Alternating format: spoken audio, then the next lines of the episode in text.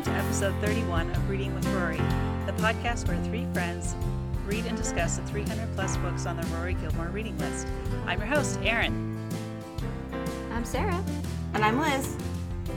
All right, so today we are discussing the novel The Bridges of Madison County by Robert James Waller, which was published in 1992. Now, this one we actually know where it was discussed in Gilmore Girls. Yay, we have one. This is exciting. I feel like we have not encountered this in the bees in quite a while. It's been a while, yep.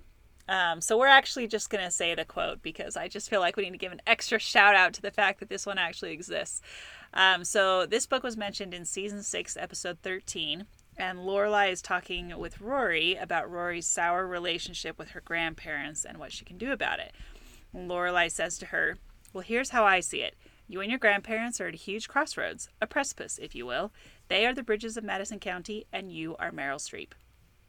So obviously they're talking about the movie, which we are going to discuss, and which really is the only reason that this was on the list to begin with.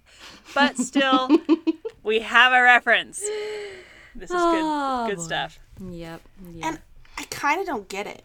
I, was- I was just about to say something like, that doesn't even make any sense. Like, Well, like a crossroads, right? Like, yeah, but okay. Like they're the bridges, and you are Meryl Streep. You have the choice of going to them or not. Maybe Mm, it's a stretch. it's a stretch, but I don't know. A lot of the references they said probably didn't make a whole lot of sense, but that's not the point. More sense than that one. That one- That's a head scratcher for me. but I'm glad it's there. Yes, I'm glad we have one. Thank heavens. Yes, this is a good day. And you know, it makes more sense that it's referencing the movie because I was reading the book and I was like, I don't. This doesn't seem like Rory's kind of book or Lorelai's kind of book. Like this. Are you kidding? It could be Lorelai's kind of book. No, I don't see You it You don't think all. so? It's a little too. Anyway, we'll get into it, but it makes more sense that it's the movie. Yeah. I see Rory reading it simply because it was a big hit and she would have read it. Not for the teen set. But yeah, yeah, but she was walking around with books by not teen authors in her. Right, but those were like great books. I don't think this is a great book. This Okay, is all right. teasing way too much of what we're about to talk about.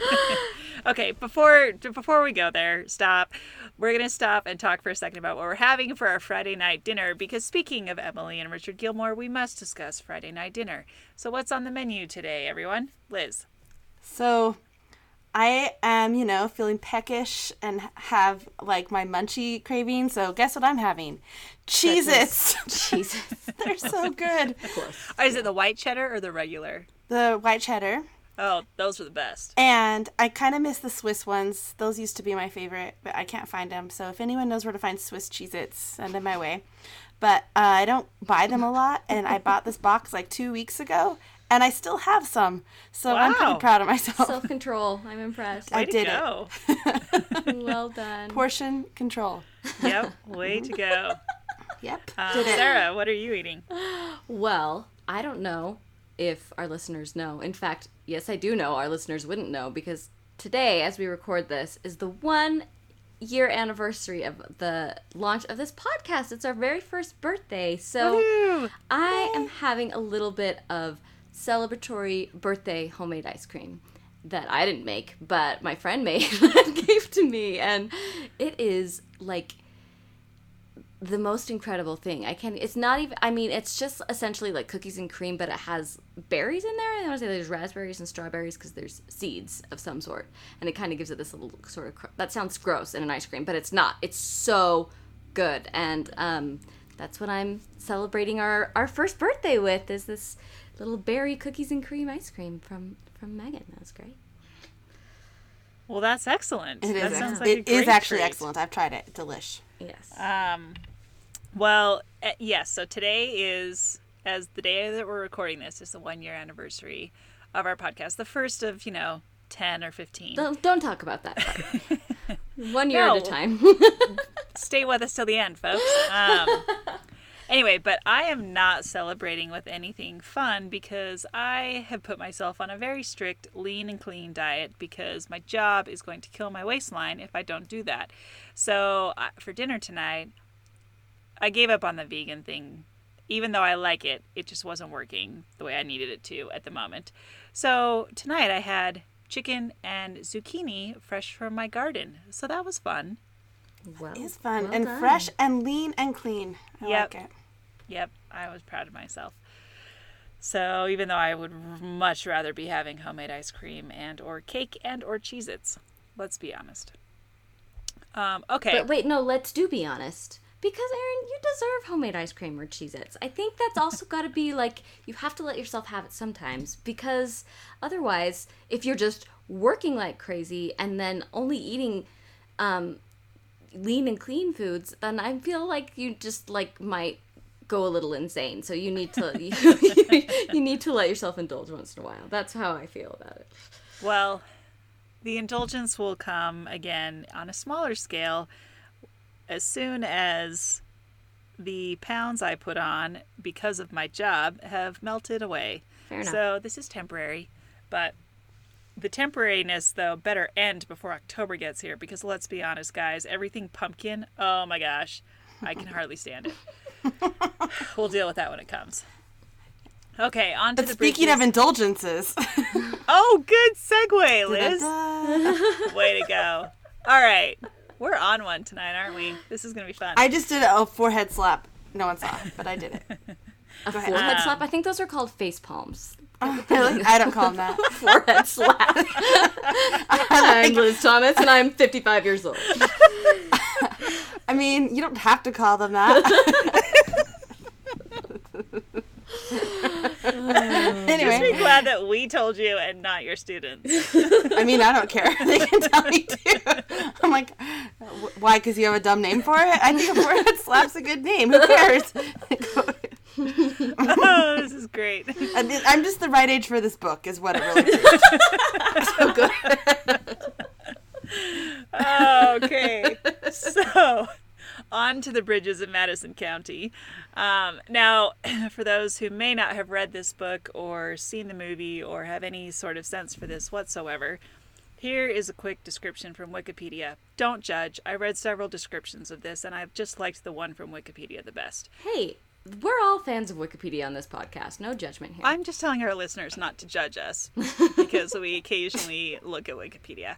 All right, so here we go. The Bridges of Madison County, which was apparently also published as Love in Black and White, is a 1992 best selling romance novella by American writer Robert James Waller that tells the story of a married but lonely Italian American woman who was a war bride living on a 1960s Madison County, Iowa farm. While her husband and children are away at the state fair, she engages in an affair with, national, with a National Geographic photographer from Bellingham, Washington, who is visiting Madison County to create a photographic essay on the covered bridges in the area. The novel is presented as a novelization of a true story, but it is in fact entirely fictional. The novel is one of the best selling books of the 20th century, with 60 million copies sold worldwide. what? Yep. That's insane. Yep. I guess it doesn't surprise me. Maybe It was a sensation. it was a big deal, but of the of the whole century, Yeah. Wow. It's it's made it onto a few like top 100 lists for various things. So, and the hmm. movie also has become quite a classic in the canon, which we will discuss later. Really? But oh, yeah. yeah, are you kidding? I mean, Yeah, for sure.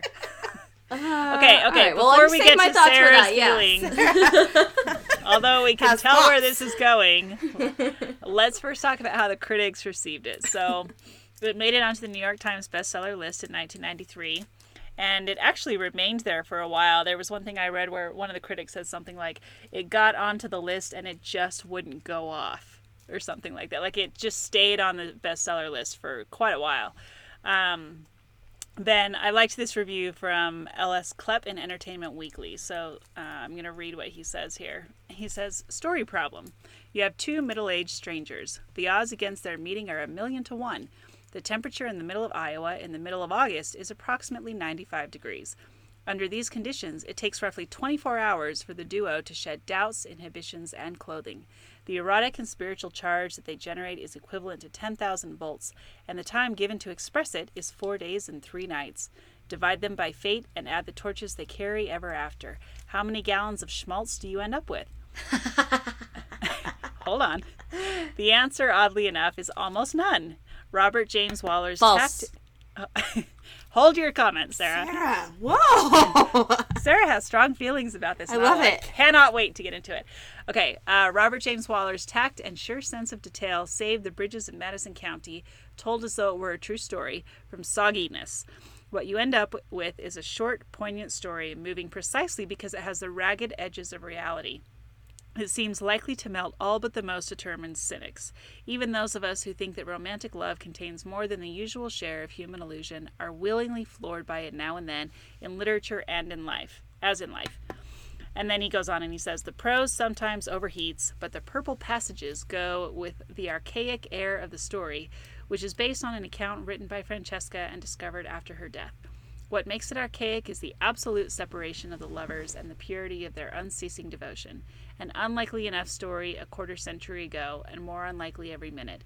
Today it would probably end in phoned or faxed pleadings, or in cohabitation, or in court. But then improbability is what romantic love is all about, and he gave it a B plus. Okay, okay. so what did we think, Sarah? I think you should go first. Well, call me a hardened cynic. I mean, um, I was I was unmoved.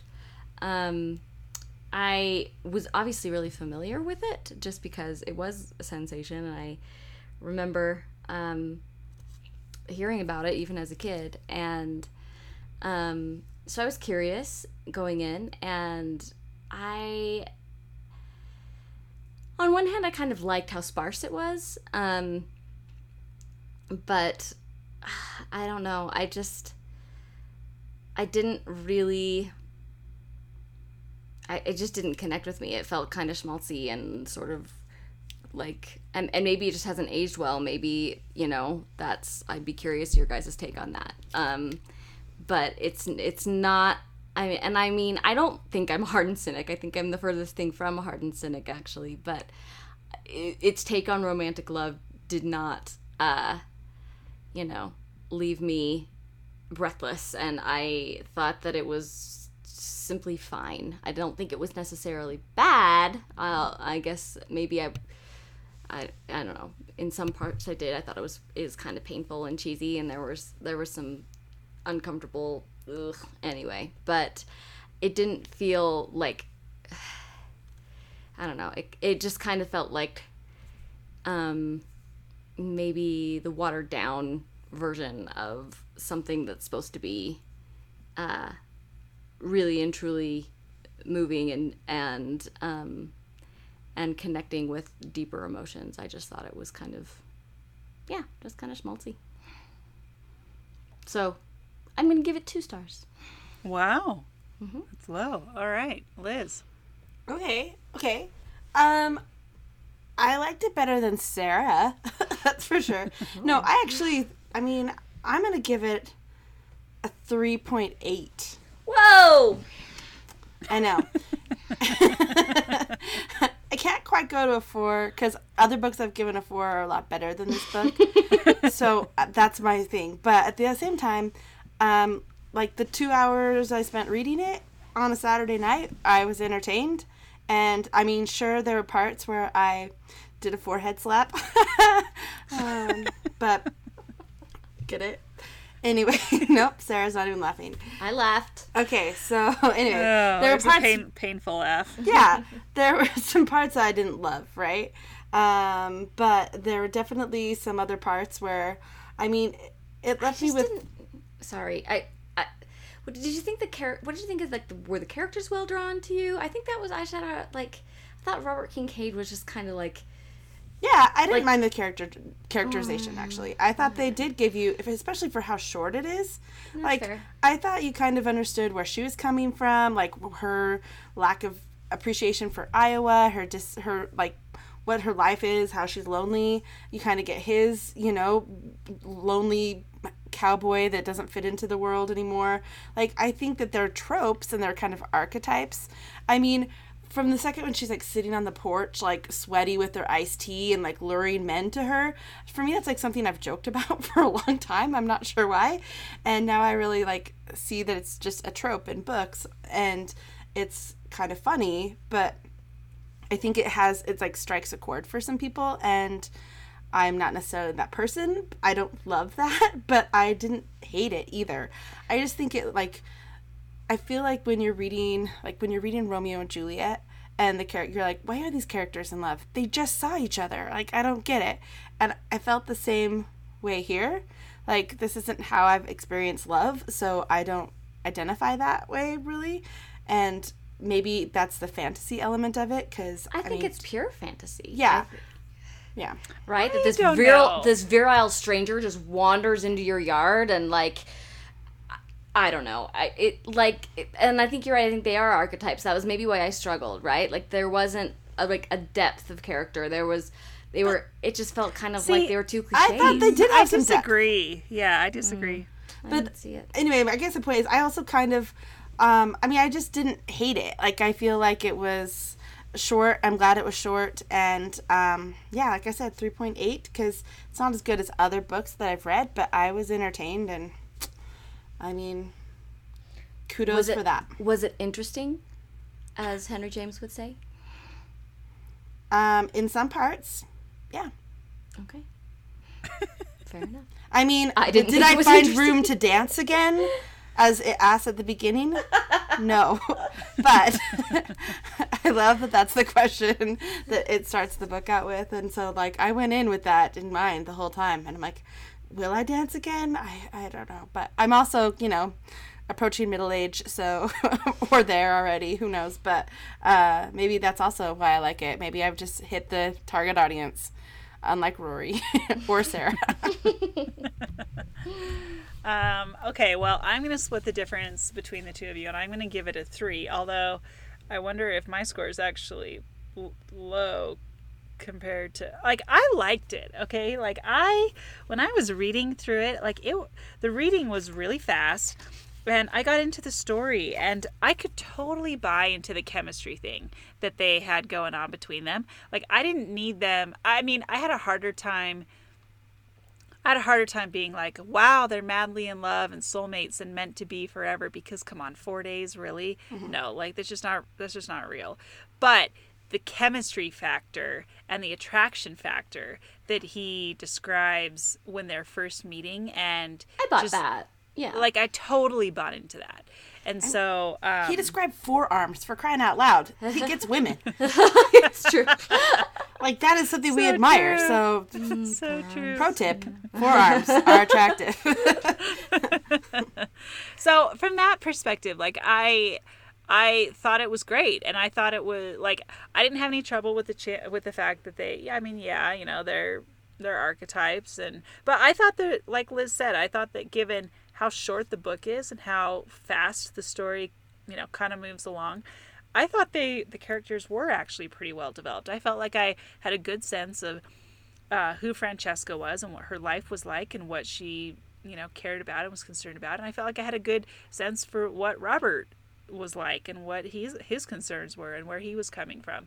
And maybe some of that is that both of them are relatively relatable characters. They're kind of the everyman character, except for Francesca's Italian. Except I don't know. think that Robert was supposed to be an everyman character. Talked about how when he was so young and he was like reciting He's like the anti every. Yeah, he was like Well, different but- from everybody, and he was like this lonely man on the road, and he was this artiste, and and no one really understood him, and and he was like this mysterious figure, and it just kind of like this lonely cowboy kind of thing, and I was kind of like, all right, it was a little eye rolly for me. I mean, No, that some- part's not eye rolly. The bubble bath's eye rolly. It can both be. it Doesn't have to be mutually exclusive. Well, and some of his poetry, like, you know, like the first poem he says to her something when they're sitting down at dinner, and I'm not gonna be able to find it in time, but I was kind of like, what? I, I don't know. Like his poetry, I didn't think was all that impressive.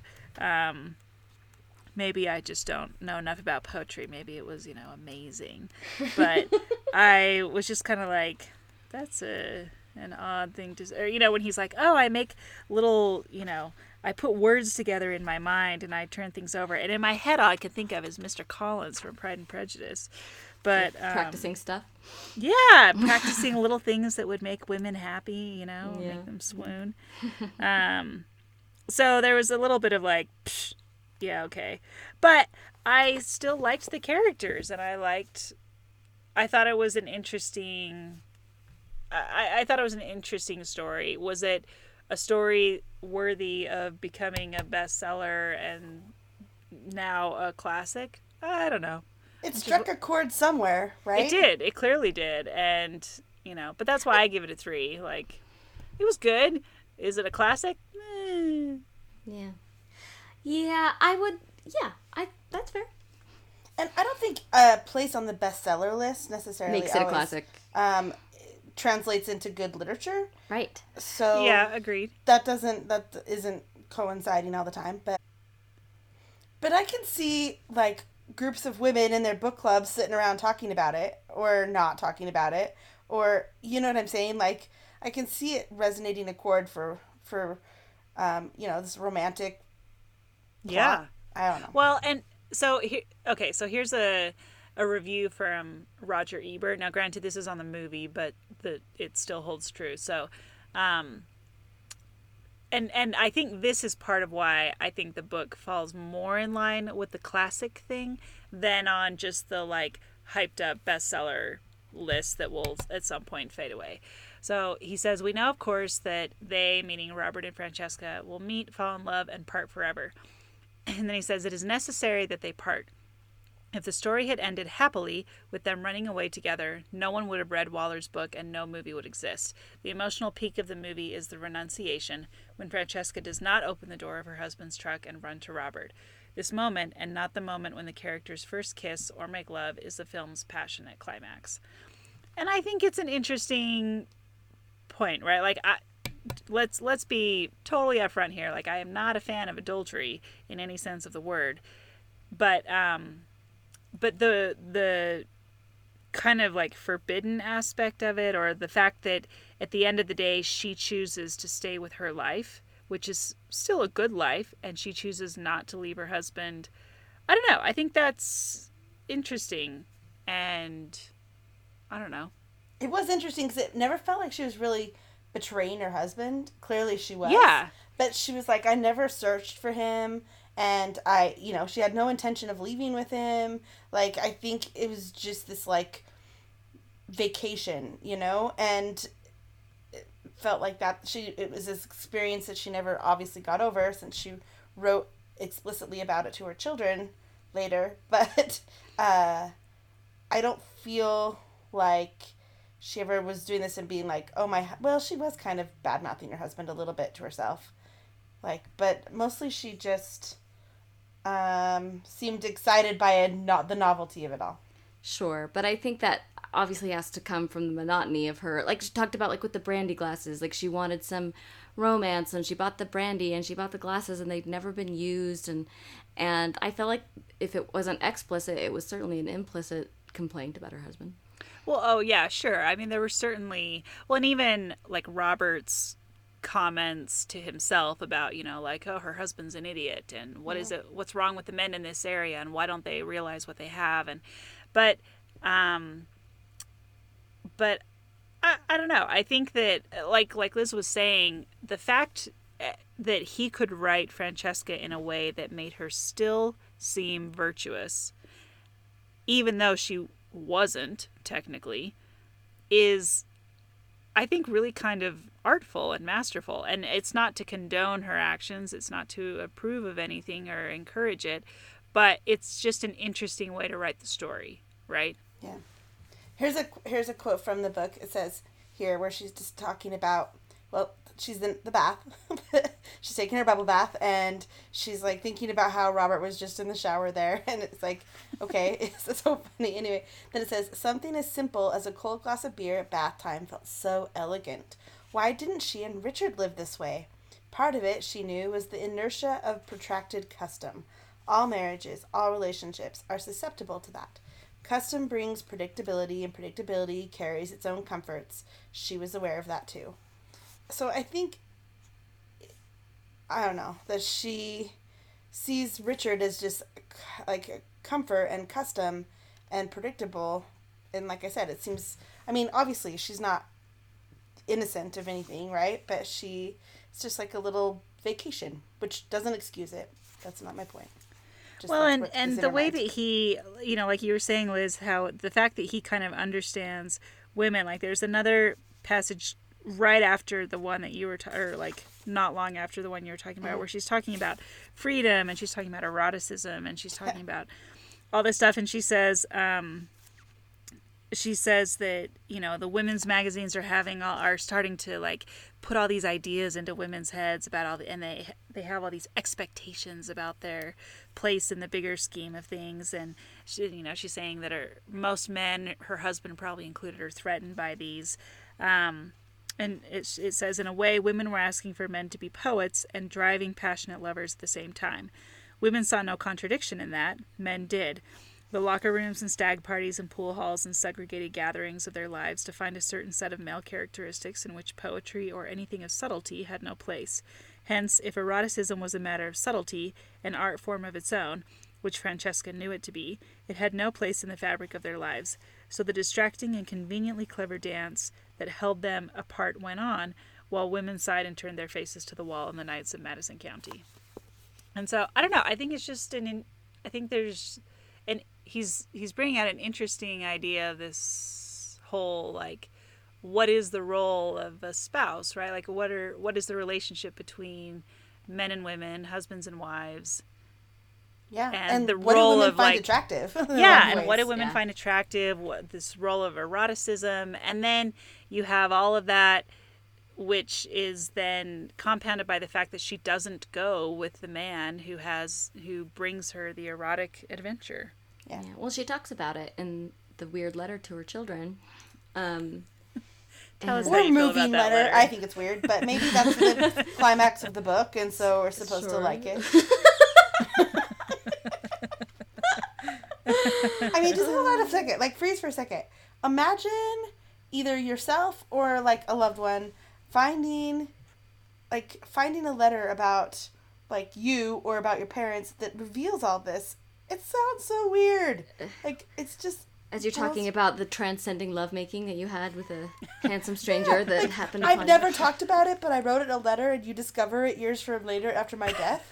Would that be weird? I think it would. Like I never mentioned it once to you. Like not telling you about this moment, but it was meaningful, and I'm gonna tell you in a letter. But this is Weird. what I was thinking was in the letter right after she's gone and all these details about how he was this, you know, uh, unbelievable person that neither of them will ever get to experience. He was this one of a kind like lover and human and.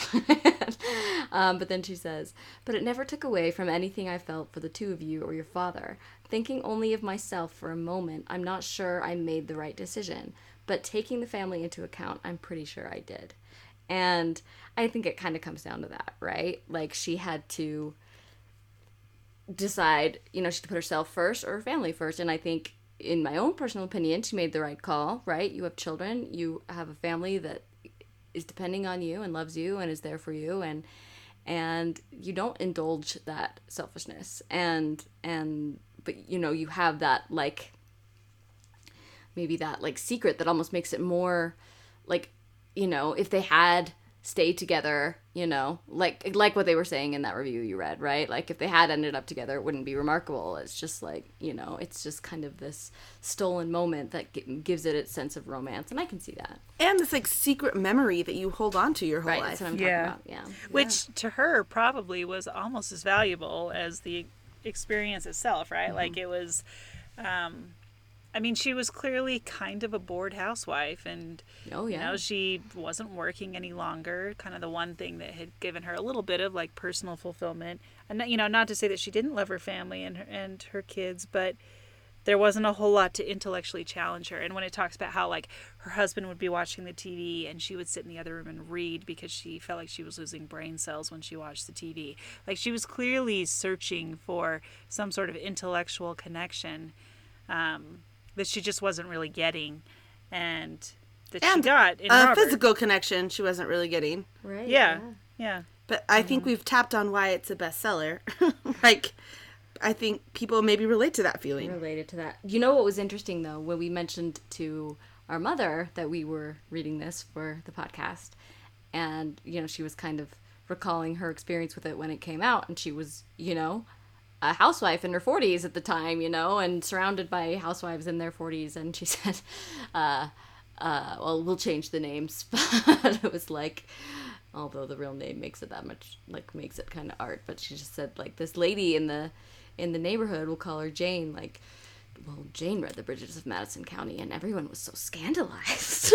I just laughed. But then secretly, probably everyone did. Yeah, I know, right? Like It's like it- the pre Fifty Shades of Grey. but I thought that was so interesting how it was received among women who I'm sure women in their like married women in their 40s is its target audience, right? Like and and how, you know, it was kind of especially maybe like in a conservative culture like like you know we grew up in it would especially just be like shocking sort of a thing um and i thought it was interesting in that respect But do you really think, Sarah, saying what you just said, that Rory would have been reading this book and identifying with it? Not at all. It just seems like to me how I thought of it, and I'm Rory's age, right? Um, uh, it would have been right, like at the you know when the book came out or when I was in high school. Like I remember when it came out, it was a big deal, and I remember there was a movie with Clint Eastwood and Meryl Streep. And honestly, my only association with this book, this story, this movie was like. It was like the old people story where they, I think there's some old people and they fall in love. I think that's the thing about old people and they fall in love. That's all I knew about it. I knew that, and like I honestly associated it with like like a midlife crisis, middle age situation. I knew nothing else about it, so I can't imagine. And like I didn't think of it as like I never knew it as a, having a reputation as great literature. Like Rory wants to seek out great literature. It was just a popular book about old people that. fall in love. Yeah, that's what I'm saying. I don't think anyone at her school would be like, "Hey, read this." Like, it's just not one. That, And what's so funny now is like, to me, at that age, they seemed old. When really, it's like she's in her 40s and he's in his early 50s. It's not like they're senior citizens, you know. They're just middle aged, and it's um, it's interesting. Anyway, but yeah, I don't see it as being, and it's it just seems a little bit too kind of like. I don't know. It just doesn't seem like Lorelai's kind of book. I picture Lorelai on the couch reading the reading the book about the Mötley Crüe. You know what I mean? Like this just doesn't seem her style to me. Well, she wasn't a dissatisfied housewife, so Yeah. Right. Yeah. but she would have been into the zeitgeist of it all. Yeah, So- she would have been able to Yeah, reference she- it. Yeah. Yeah, and I yeah, she definitely would have been able to talk about it whether or not she read it, but you can certainly see them having like seen the movie. Yeah. Sure. Well, Oh, and I just think that those tropes or like those like ideas in it are so prevalent that even if you haven't read the book, you kind of get it, right? Like, you know what it's showing or doing, and I think the movie helped to that a lot too. But yeah, Yeah. yeah. Um, okay, well, let's see. So, fun fact on the background. Um, when I when I read the intro, I totally thought it was real. and I was like, "Wow!" And then I'm like, "How were her children okay putting this out there into the world?" Guys, I'm so gullible. I don't. I try not to be, but sometimes I just am. And so when I was doing research on it for this episode, I was like, what are they talking? Uh, you know, I started with Wikipedia as one does, and I was like, what are they talking about? It's fake. Clearly, this is Wikipedia being wrong. And so then I go to like, great lengths to make it to frame it that way. Like I the know. I wanted to talk I know about they why. really did. there's this interview with a guy who heard him sing his song. Yeah. and I'm like, okay, sure. That's a Anyway. lot. Yeah. So- what what is the what's the point of that framing device? I what what how, how what did that add to the story for you guys? Um, I don't know, just a unique approach. I liked it actually. Okay. Yeah, I kind of liked it too. I mean, I kept thinking, I did too. I just wondered. I was like, how does this like heighten the the emotion or the experience of the actual central narrative? You're not Yeah. like laughing your whole way through. You're Yeah, like- and he does talk about like the suspension of disbelief, right? It's all Yeah. about feelings, and maybe if you do go into it do thinking that it actually happened, you're less likely to be like, mm. yeah, right. No one falls in love in three seconds. Like, Right. well, and you know, it's an interesting idea that like her children would have sought him out. And when I was reading the the intro thing, I was like, why would her children have sought him out? I don't I don't understand this, but um, it's an interesting idea that you would find this great story. Like I think there's something to the fact of like you start to learn these stories of your family members, um, especially like your parents, grandparents, etc., and they become like there's a there are a lot of interesting stories that we all have to tell about our relatives right? And so i think it's i don't know it's, it's just kind of an interesting like oh you know what what stories do your parents have that haven't yet been told you know? Yeah. Well, and But, it sets uh, it apart from I think like I mean even last last the last book we read Brick Lane, um, or The Awakening, or all sorts of other books that I mean I'm just thinking of ones we've talked about here on the podcast where it's this idea of you know re reigniting this passion in this woman and fi- she finds her Anna Karenina. I mean there's just so many right. It's just a unique way to frame it I guess. Sets it Yeah. apart. Mm-hmm. and i think it's a story that probably does have a layer of truth to it in I mean, pick almost any American town, probably pick every American town, and you can Yeah. probably find a story that's not too far off from this one. Oh yeah, I think it's not too like weird. Yeah. Maybe the letter is, but I don't know. I mean, I think I think the experience of people with like secrets and romantic secrets, sure. I do kind of just think that like they both kind of had these mythic qualities. Like she's this like Italian she has this Italian heritage that kind of gives her this air of romance and mystery and he I don't know. I just like and that they just happen to stumble into each other. And I mean, I bought the chemistry. Like I get that people can have chemistry instantly. Like that is for sure a thing, but like it did kind of seem like more like fairy tale levels of coincidence, you know what I mean? But yeah. well, I love how she said this too. She said about him too that he's kind of mythical, but like she says, um, this was everyday talk for Robert Kincaid. For her, it was the stuff of literature. People in Madison County didn't talk this way about these things. The talk was about weather, farm prices, um, new babies and funerals and government programs and athletic teams. Not about art and dreams, not about realities that kept music silent, the dreams in a box. Like that seems mythical too, right? Like a guy that will talk about that stuff. Just kidding. No, I mean. No, but I mean. Hold on, hold joke. on. Okay, so maybe I have Music Man on the brain because we just bought tickets to see Hugh Jackman and the Music Man on Broadway next fall. So I, you know, What? I'm so excited to do that. Hugh Jackman's gonna be in the Music Man on Broadway. Uh-huh. And okay, Sutton I Foster. must go to that. Yeah. Oh yeah. It's gonna be good times. We're going Mm-hmm. with our family and next October. I'm excited. But um, anyway, there's a song in the movie version of the Music Man where she's in Iowa, right? Like the the story is set in Iowa, and she's like kind of supposed to be this sort of old maid character, the main the main girl, and um, and she's kind of daydreaming about what her ideal man would be like, and it's all about like Sing it, Sarah. I would. Um, I could. I know all the words, but I'm not going to.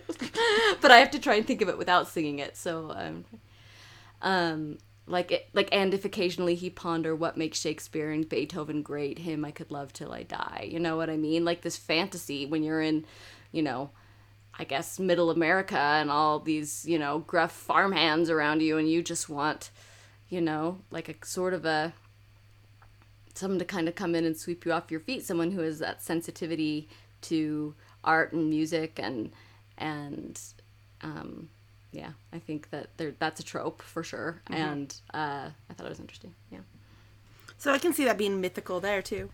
Yeah. Um, well, so one thing that I was thinking about as I read this was why did this story need to be told? Like, why did this book need to be written? Like, don't get me wrong, I enjoyed the book, but I was kind of like, okay, a day in the life of a normal person. Um, but I was reading some of the background on it when I was, you know, discovering that this was entirely fiction. And uh, Surprise! and I read this um, this article that said, without expecting to, Robert James Waller conceived of the bridges of Madison in the early 1990s. On leave from his teaching job at the University of Northern Iowa, Waller was photographing the Mississippi River with a friend when he decided to photograph Madison County, Iowa's covered bridges. This event, alongside a song Waller wrote years later about the dreams of a woman named Francesca, gave him the idea for the novella, which was completed in 11 days. So, Sarah, maybe some of your disdain for the writing comes because it was written in 11 days. Um, i don't know there can be great writing that's done fast remember how we talked about William Faulkner, but we won't go into that because I know Ugh. we might have some differences of opinion there. Yeah, we do. yeah. Uh, anyway, after he had written Bridges, Waller came to believe that he had based the character of Francesca Johnson on his wife, Georgia, whom Francesca physically resembles. Anyway, I just thought that was interesting. Um, yeah, he's kind of using his own like life business that, Yeah. in there. hmm Well, and like he talks about in his fake little introduction, how he felt like he was Robert Kincaid, like he was inhabiting him. You know what I mean? So it's interesting when you put it that. Yeah. Yeah. Um, and then I just have to say that although I enjoyed the story, why were they taking so many baths and showers? Like the time that would go on, like Because okay, it's hot and sweaty. yeah, but okay, like, he's gonna the he's weather. gonna he's That's gonna go I'm take a shower. Totally fine. If he's gonna go take a shower, I completely believe that. But then she's like, I'm gonna go take a bath. I'm sorry, but like a bubble bath by yourself when you have a strange man downstairs. Yeah. Why take a bath when he's in why? your house? Why would you do that? I thought the take a same thing. quick rinse off shower and move on with it. But to take like, and I'm not a bath person, which is pr- I know people feel like I'm a traitor to my gender, but I'm not really either. I don't like baths at I all. I just the only time I ever. But I take a wouldn't bath like it if a stranger were in my house. That would But be weird. yeah, like the time it takes to draw and take a bath, I I don't know. Like if you really want to, if you're that turned on by someone in your house, why are you not in the same room with that person? Well, I at don't that know. point, at that point, I don't know what it was, but he gave her a beer and it's like, go take a bath. She's like, okay. well, she didn't. She was going to, and then he's like, here, have this beer while you go. And so, I don't know what that's trying to say, except that like this isn't her normal custom either. I think she was acting out of the ordinary for some reason. Yeah, but still, a bath is how you're gonna do it. I don't know. I just that Weird. bothered me. Mm-hmm. I was like, there's just so much time. Like they're constantly changing and bathing and separate for like an hour at a time while they're just like hanging out in the same house weirdly, and there's this like weird, They're just letting erotic their- their sense their- in the atmosphere. Well, right? It's all about letting that tension boil and um, simmer to come to a boil kind of a thing. I don't know. It was annoying, and it was again, uh, like Well, when there's maybe- a lot of bats, maybe that's why. Maybe it was like a 1992 version of like erotica, and they didn't know how to do it well, and so it's not. A, I highly doubt that. I highly doubt that. I don't actually. I don't either. Like I don't think I think it was you know trying to push some mass boundaries a little market bit erotica, with like yeah. Mhm. being you know sexy and um I think we've just have, have come further than that. So now it seems like what Quaint. I know. or mean, like maybe- well, scary maybe- like don't do this. You're don't be stupid and take a bath with a stranger in your house. But uh, yeah. Yeah, I don't know. I don't know buy- either. I I don't buy the fact that that Robert James Waller was the first person to. Oh, like- not the first. oh, I didn't say first. I just said a 1992 version of it. yeah i don't I i don't know. I, I definitely see it as being like a, a kind of sort of 50 shades before its time. I mean not i haven't read 50 shades so i don't know. But like the idea of like it's tapping into this eroticism that women this untapped Can identify with and not they can identify reading. but they're not getting they're not getting in their real life. So here's this poetic man this handsome you know whatever who blows into town and he wants you to you know and there's like it's just sensuous right like i think the baths are all it's very sensual i guess and so yeah i think it is kind of meant to heighten the eroticism of Well, um, let's move into our pop culture segment because we've kind of already danced around it, so let's just full on go there. Um, let's talk about the movie for a second. So the movie was made in 1995. It earned 182 million dollars worldwide. Uh, Meryl Streep was nominated for Best Actress. She didn't win, but she was nominated. Of course she was because that's the that's the law you have to nominate her for best it was also just her. I mean, like the movie is just her and him the whole Yeah. time. There's nothing Yeah. else happening. I thought her accent was questionable, so I um, actually thought her accent was pretty good, but I was not I felt like it super faded buying out. her as an Italian woman. I was Oh, like, really? not. Meryl Streep is the Yeah. only woman, the only female actress that could have pulled off this role? I don't know. Oh, that was also what our mom said was that like people kind of thought about the book like eye rollingly, like er, thought it was cheesy or like a scandalous. But then when they made the movie, like, and it was Clint Eastwood and Meryl Streep. It, gave it kind of added this, yeah, this like added air of legitimacy, which I thought was interesting. Yeah. Yeah, that is interesting. So I wanted to read a little bit about the production history, the development history of the movie, because I thought this was kind of fun. Okay. Um, so so Amblin Entertainment, which was Steven um, Spielberg. Yeah, Steven Spielberg. So Amblin bought the film rights to the novel in late 1991, before it was even published. And then by the time the film had been released, the novel had sold 9.5 million copies worldwide. Um, so they were already looking at making this a movie before the book was even published. Interesting. I think that's actually pretty I think the publishing. movie's longer than the book. Yeah, the movie. Well, I was really, Well, the, the movie does a pretty good job of encompassing the book because the book's so darn short. Yeah. For sure. I, well, like I was like, this movie can't be very long because the book's so just kind of. Yeah, the just movie's brief. two hours and 15 minutes, and I for sure didn't spend that long reading it. So. because you're superhuman. But anyway Yeah, because you're superhuman. That, oh, yeah, Um, it's me bragging about my reading speed. no, but I was just gonna say the movie, the movie fleshed out some stuff and added some stuff that I actually found to be quite boring. But continue, Erin. Okay, well, anyway, so it went through a few different um, directors and like people working on script and different things like that. But um, by their third draft, they uh, Richard LaGravenese, LaGravenese, however you say that, um, they liked his script, so that's the one they chose. So Eastwood, He wrote the script for Beloved. He's Yeah. written a lot of stuff. Um, yeah. hmm So Eastwood had already been cast for the male lead, so he was cast pretty early on, and then they were, um, and and they they liked the idea that this script presented the story from Ch- Francesca's point of view.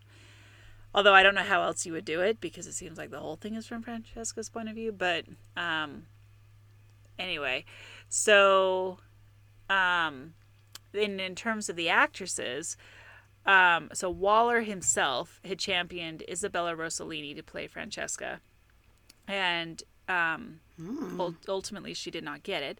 But the That's list of wild. I know the list of potential actresses included Anjelica Huston, Jessica Lange, Mary McDonnell, Cher, and Susan Sarandon. Um, and even and it apparently Steven Spielberg Steven Spielberg was initially reluctant to use Meryl Streep, but Clint Eastwood had advocated Meryl Streep for the role from the very beginning, and that's how she ended up getting it. Was because Clint Eastwood wanted her to have it, or he he promoted her. So um, it took him 42 days to film and they filmed it chronologically from Francesca's point of view because according to Clint Eastwood it was important to work that way. So he said the idea was that it was two people who were getting to know each other in real time as actors and as the characters. So they filmed the movie chronologically. And they filmed it in the actual town of Winterset and on the Roseman Bridge. Um, I mean, it did have kinda some cool. authenticity to it. I It can- did. Yeah. Oh, it was very authentic. It was also Yeah. kind of like, in that it was so authentic, I just was it I found it hard to keep my attention. I was bored. Well, I mean, Like, for, like, just the like first half watching two people like you know talk and slowly get to know each other is um or quickly get to know each other is Felt slow. it, I mean Yeah, I normally like that stuff. I just. I don't know it wasn't Yeah, for something it didn't it didn't click. It didn't totally. Uh, I don't know, cause I yeah I like a, a little bit of realism and and you want it to feel kind of naturalistic and when people are falling in love, but it was just kind of. I felt like she was so withdrawn, and I felt He- like he was distracting. and, and he was just Clint Eastwood. There was, but there was the one scene that I found very effective. Where I was like, this was right off the page. Was when they were peeling the vegetables together to like make the Yeah. dinner, and um, and he like brushes up against her, and I'm like, man, Clint Eastwood can get it. Like he looks so good. what about the point? What about the the scene where her friend calls her and she's on the phone and she's just like touching his shoulder? Oh, I liked that scene. That was a good scene. yeah, Yeah, I mean, this is kind of like their early exploration of what's happening, and I mean, yeah, I got that. Well, and it like I thought they did a pretty good job with the movie because it would be difficult. This this movie or this book is so internal, right? Like everything's happening in their heads, and so to then convey to convey that level of intensity in a movie is really hard. And I don't think they totally sold it, but I think they did a pretty good job.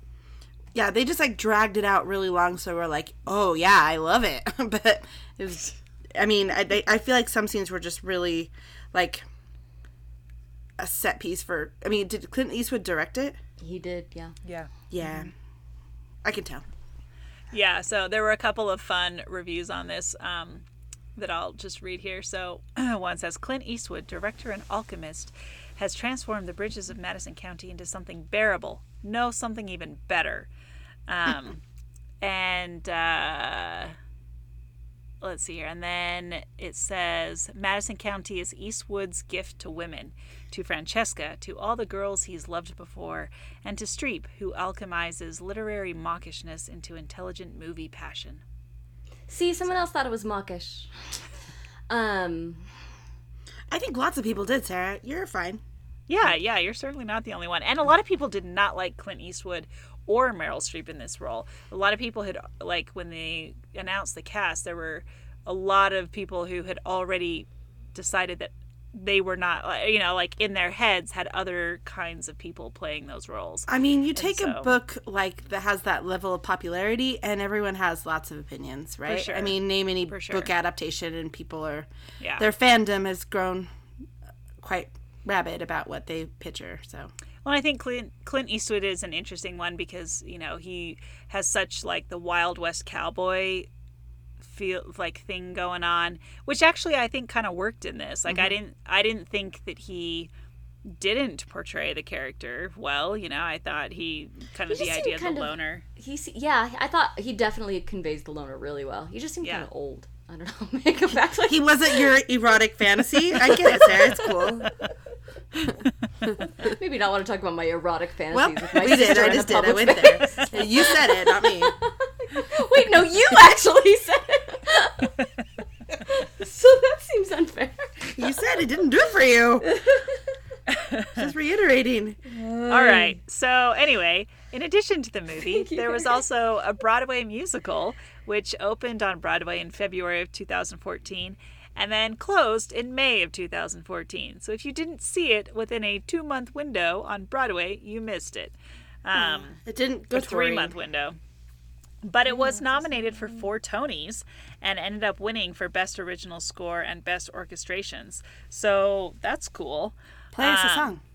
I, I am. We're we're gonna play you a, a, a little clip of a song from the musical. So this song is called "Always Better," and Kelli O'Hara, who starred as Francesca in the musical, sings the song, and um, and her voice is great. So we'll just play a little clip of this here.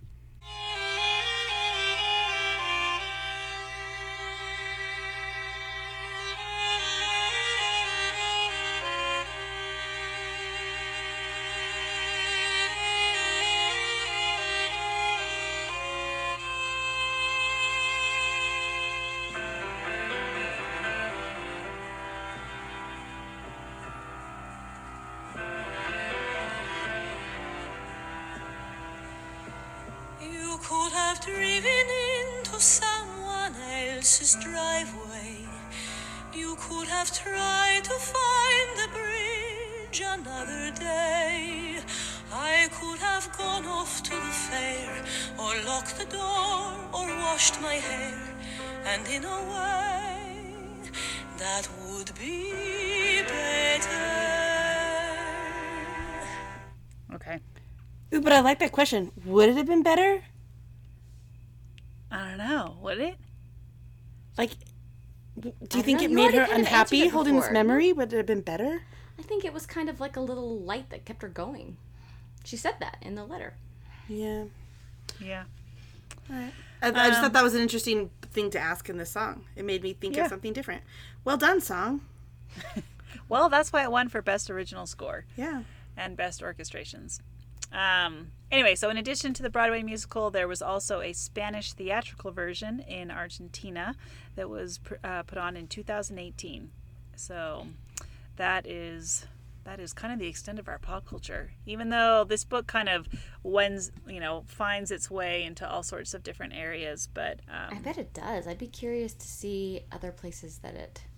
I, yeah, I couldn't find any like direct um, references to it, but Because it, does seem to be one of those ones that's big enough to have just kind of like seeped into the culture via like osmosis, you know. So I'm sure it pops up in places that I can't even just immediately bring to mind. But if any of our listeners know of something that we're not thinking of, as always, please let us know.